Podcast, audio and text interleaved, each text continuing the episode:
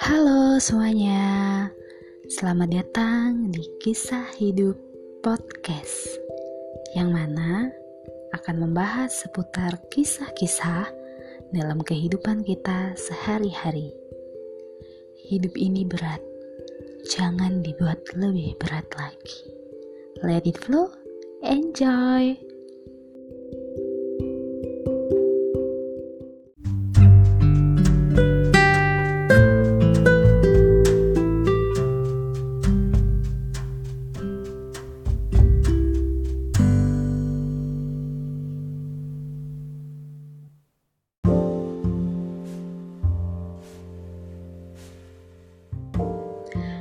Semuanya, ini adalah podcast perdana aku. Jadi sebelumnya aku minta maaf kalau masih ada kata-kata yang salah atau mungkin belepotan banget dan mungkin kurang berkenan di hati kalian. Uh, jadi perkenalkan, namaku adalah Ola. Aku asli dari Jawa Timur Cuman saat ini aku lagi tinggal di Maluku karena memang ya ada suatu pekerjaan di Maluku. Jadi kantorku sekarang di Maluku dan aku harus tinggal di Maluku. Begitulah, lebih tepatnya di Ambon, guys. Oke. Jadi uh, sebelumnya aku mau menceritakan kenapa aku bikin podcast ini. Kenapa aku kepikiran bikin podcast ini? Salah satunya, aku sebutin salah satu aja kali ya, biar nggak terlalu panjang. Salah satunya adalah karena gabut. Got on the boot. Jadi memang karena aku gabut banget, kan memang beberapa hari ini kita diwajibkan untuk stay at home. Jadi aku setiap hari cuman rebahan, nonton, YouTubean, scroll IG, scroll Twitter udah gitu-gitu doang. Akhirnya kayak aku mikir kenapa hidupku nggak berfaedah banget ya? Kayak hidupku nggak bermanfaat gitu. Maka dari itu aku mau mencoba untuk bikin podcast ini. Jadi di kisah hidup podcast ini aku akan berbagi seputar kisah-kisah hidup aku dan juga mungkin suatu saat nanti kalau memang podcast ini uh, bisa berkembang lebih baik dan bermanfaat buat teman-teman semuanya. Aku juga akan mungkin berbagi kisah-kisah hidup yang lain, mungkin bisa collab sama teman-teman aku yang lain, yang mana nanti uh, sekiranya bisa bermanfaat buat teman-teman semuanya dan bisa dijadikan motivasi hidup kita semua. Oke, kita harus tetap semangat, guys. Terus Hmm, jadi bingung ya. Setelah itu, jadi di sini aku akan membahas tentang gejala COVID-19. Wah, yang lagi marak banget kan ya saat ini lagi pandemi COVID-19 bikin kita stres abis, bikin kita pusing tuh, nggak bisa keluar lah, nggak bisa mudik lah Nah, di sini aku akan membahas kisah hidup aku tentang COVID-19. Mau tahu selengkapnya? Check it out.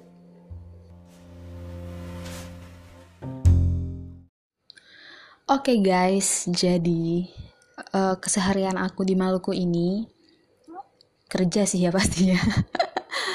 jadi di kantor aku ini sistemnya ada WFH sama WFO di jadwal gitu di piket. Nah, Cuman beberapa minggu kemarin memang aku tuh harus WFO terus, harus ke kantor terus karena laptop aku lagi rusak. Jadi walaupun aku dapet jadwal WFH, aku tetap harus ngantor karena aku butuh banget komputer di kantor ya. Nah, dan aku di Ambon ini udah sekitar tiga bu eh empat bulan kali ya Pokoknya aku dari awal bulan Januari tahun 2020 ini aku menginjakan kakiku di Indonesia bagian timur. Ya, Indonesia kita tercinta.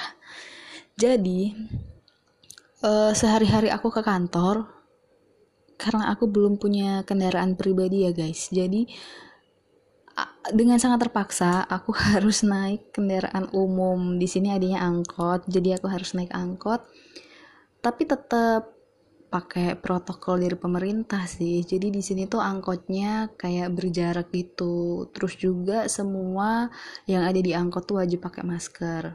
Memang di sini juga setiap keluar wajib pakai masker sih. Jadi di beberapa titik gitu ada polisi atau di sub yang patroli gitu. Jadi kalau ada yang nggak pakai masker disuruh minggir di stop dulu disuruh beli masker tuh. Nah di sampingnya ada penjual masker abang-abang penjual masker. Jadi siapa yang nggak pakai masker silahkan langsung beli di abang-abang penjual masker itu. Seperti itu kehidupan di sini.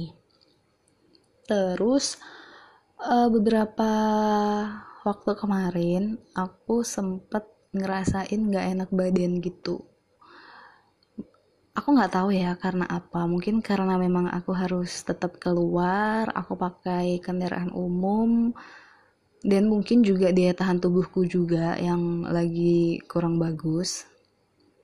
Aku tuh ngerasa kayak aku mau flu gitu. Ada tanda-tanda flu. Awalnya tuh hidungku hidungku tuh gatel banget. Tapi aku mikirnya atau mungkin karena aku kelamaan di ruang ber AC kali ya. Jadi tuh kulitku kering terus gatel. Itu masih aku abain aja sih. Cuman keesokan harinya aku ngerasa ganti tenggorokan aku yang gatel. Nah di situ aku mikirnya wah gawat nih aku mau batuk. Sebelum aku sakit mending aku minum obat. Jadi aku beli obat. Biasa obat favorit aku tuh memang kalau untuk flu batuk tuh aku minum OBH kombi batuk flu. Nah aku kira dengan minum itu aku bisa mencegah untuk aku kena flu. Jadi saat itu juga aku langsung beli obat itu, aku minum. Keesokan harinya emang aku udah nggak flu nih, udah nggak pusing, nggak gatel tenggorokan. Cuman aku ngerasa kayak badanku tuh agak meriang gitu. Nggak demam sih, cuman meriang doang gitu. Terus masih aku berpikir positif, oh mungkin memang awalnya aku mau flu tapi karena aku obatin gak jadi flu gitu kali ya. Jadi aku biasain aja. Udah aku lakuin kegiatanku sehari-hari besoknya aku ngerasa hidungku buat nafas tuh sakit banget guys. Jadi uh, di pelipis antara pelipis mata tuh di dahi antara hidung sama dahi itu sakitnya minta ampun buat nafas itu juga nggak kerasa mampet. Jadi aku masih bisa ngecium nggak kerasa mampet. Cuman itu sakit banget buat nafas asli sampai pusing banget. Cuman aku mikirnya ya udahlah ya mungkin emang aku mau flu aku tetap minum obat terus aku minum susu minum air madu kayak gitu. Aku buat istirahat aja. Terus kok tiga hari berturut-turut tuh tetap nggak hilang rasa sakitnya baru pada hari keempat aku ngerasa kayak wah ini udah mendingan nih udah nggak sebegitu sakit. Nah waktu itu aku coba untuk olahraga karena memang ya lagi giat-giatnya olahraga ya. Sejak di Maluku ini berat badan udah nambah drastis banget. Waktu aku olahraga sama temen aku pulang dari olahraga itu kita go food makanan gitu makanan favorit kita. Nah pas aku makan makanan itu kenapa aku ngerasa nggak enak banget? Padahal itu makanan tuh favorit banget dan itu enak banget gitu loh. Tapi saat itu aku ngerasain itu nggak enak. Terus aku mulai curiga. Kebetulan itu juga ada kayak remahan-remahan makanan itu jatuh. Aku ambil tisu basah buat ngelapin si remahan-remahan yang jatuh itu tadi cuman kenapa aku juga nggak ngecium aroma tisu basah itu? Kayak ih kok nggak bawa apa-apa ya? Padahal biasanya tisu basah begitu diambil kan kecium kan aromanya tuh wangi-wangi gimana gitu. Itu aku udah mulai panik. Terus aku cobalah aku ambil minyak kayu putih. Eh bukan bukan mohon maaf uh, aku ambil fresh care aku ambil fresh care aku hirup tuh aku cium-cium itu juga nggak kecium sama sekali guys. Jadi aduh mulai panik nih.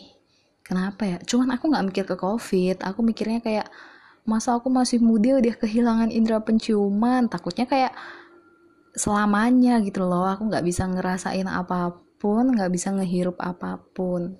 Terus aku mulai browsing browsing dokter THT di Ambon. Sampai keesokan harinya aku telepon tuh. Aku telepon aku bikin uh, janji sama dokternya. Kebetulan dokternya bukanya jam 6 sore 6 sore W waktu Indonesia Timur WIT nah terus pulang kantorku kan jam 3 ya. Jadi selang antara jam 3 sampai jam 6 itu saking kepikirannya aku aku browsing browsing ternyata tuh kehilangan indera penciuman tuh namanya anosmia. Terus anosmia itu salah satu dari gejala covid. Langsung dong itu lemes banget panik banget parno banget. Dan aku lagi sendirian di kos juga kan. Jadi daripada aku berpikiran yang tidak-tidak lebih baik aku cepet-cepet berangkat ke dokter tersebut. Aku udahlah aku tunggu di sana nggak apa-apa lah. Daripada aku sendirian di kos sepi terus aku mikir yang aneh-aneh. Udah sampai di sana petugasnya tuh langsung nanya keluhannya apa? Di hidung apa di tenggorokan? Aku bilang di hidung. Terus ibunya bilang indera penciuman hilang ya? Aku kaget dong ih kok ibu ini tahu emang ibu ini peramal ya? Terus habis gitu ibunya eh aku bilang iya ibu. Terus ibunya catet gitu kan aku dapat nomor urut dua. Karena emang itu aku dap, uh, datangnya awal banget. Setelah itu waktu aku masuk ke ruang dokter itu emang steril banget sih guys. Jadi kayak aku masuk itu harus ganti sendalnya yang dari dokter itu Terus aku harus ngelepas jaket.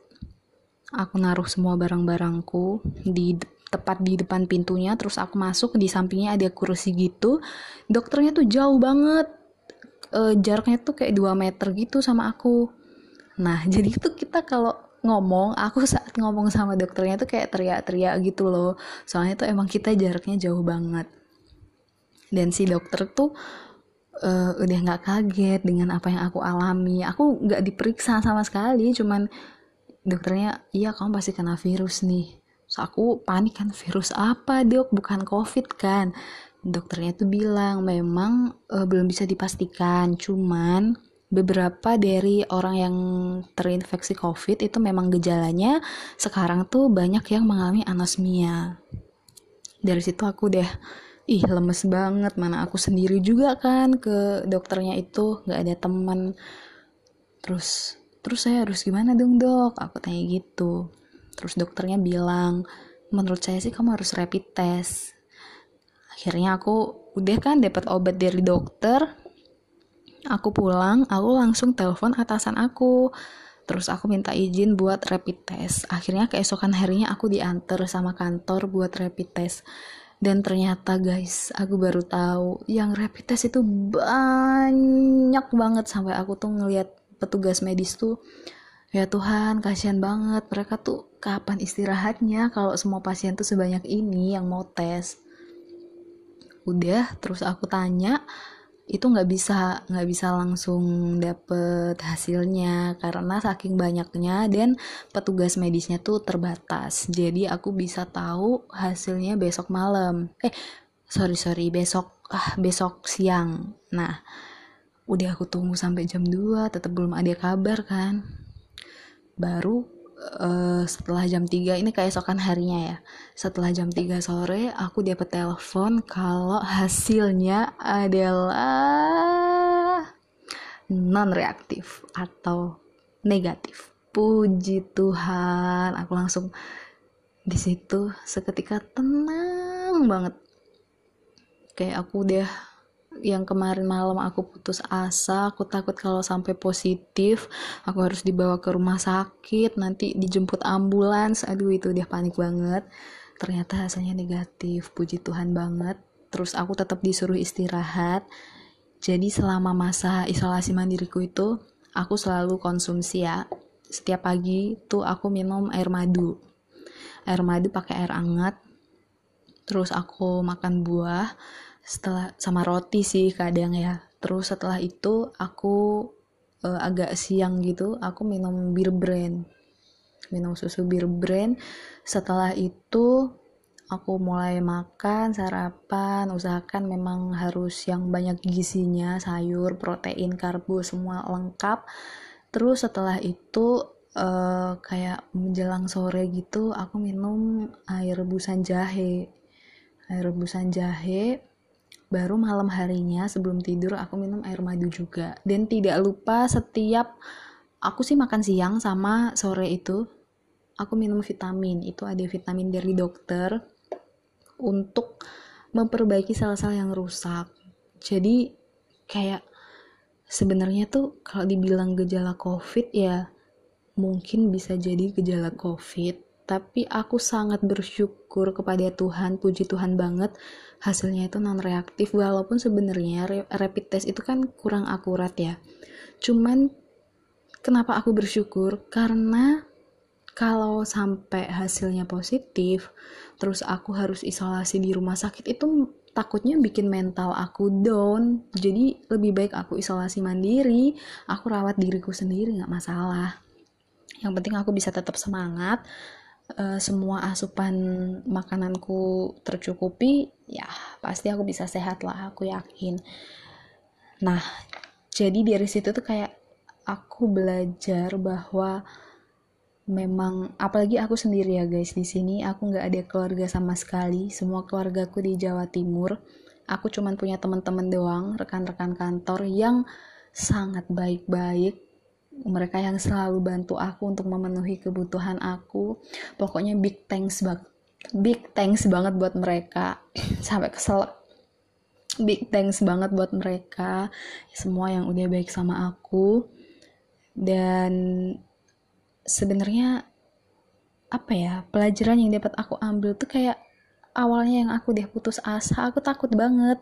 Kalau sampai aku positif aku sakit aku lemah aku mati aku dikubur di Ambon nggak bisa ketemu keluarga aku itu dia pikiran-pikiran negatif tuh semua udah bermunculan. Tapi tetap ada teman-temanku baik yang di sini ataupun yang di sana yang di luar sana ya yang tetap ngedukung aku sejauh ini.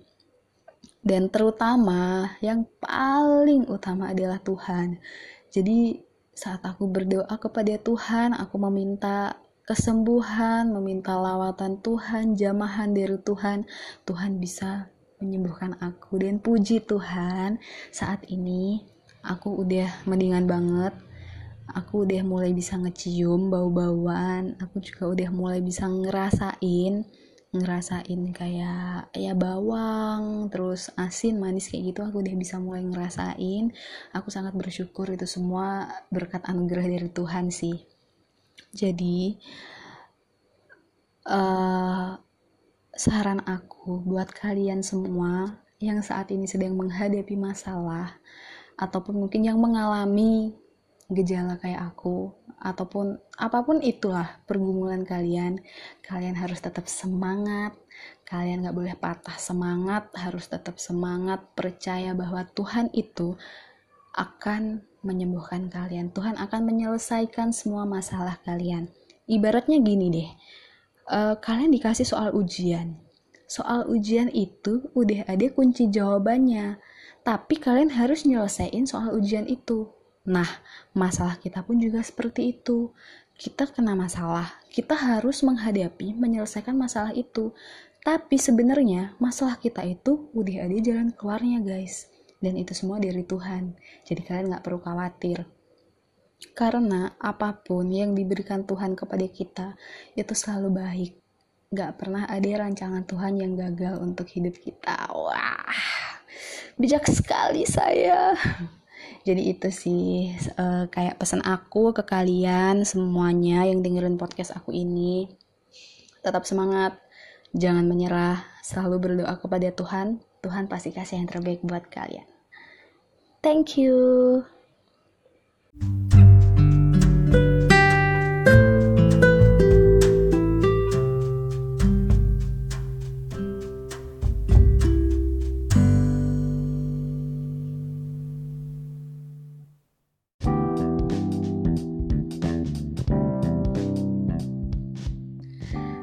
you sudah mendengarkan kisah hidup podcast. Semoga kalian sehat selalu. See you and God bless you all.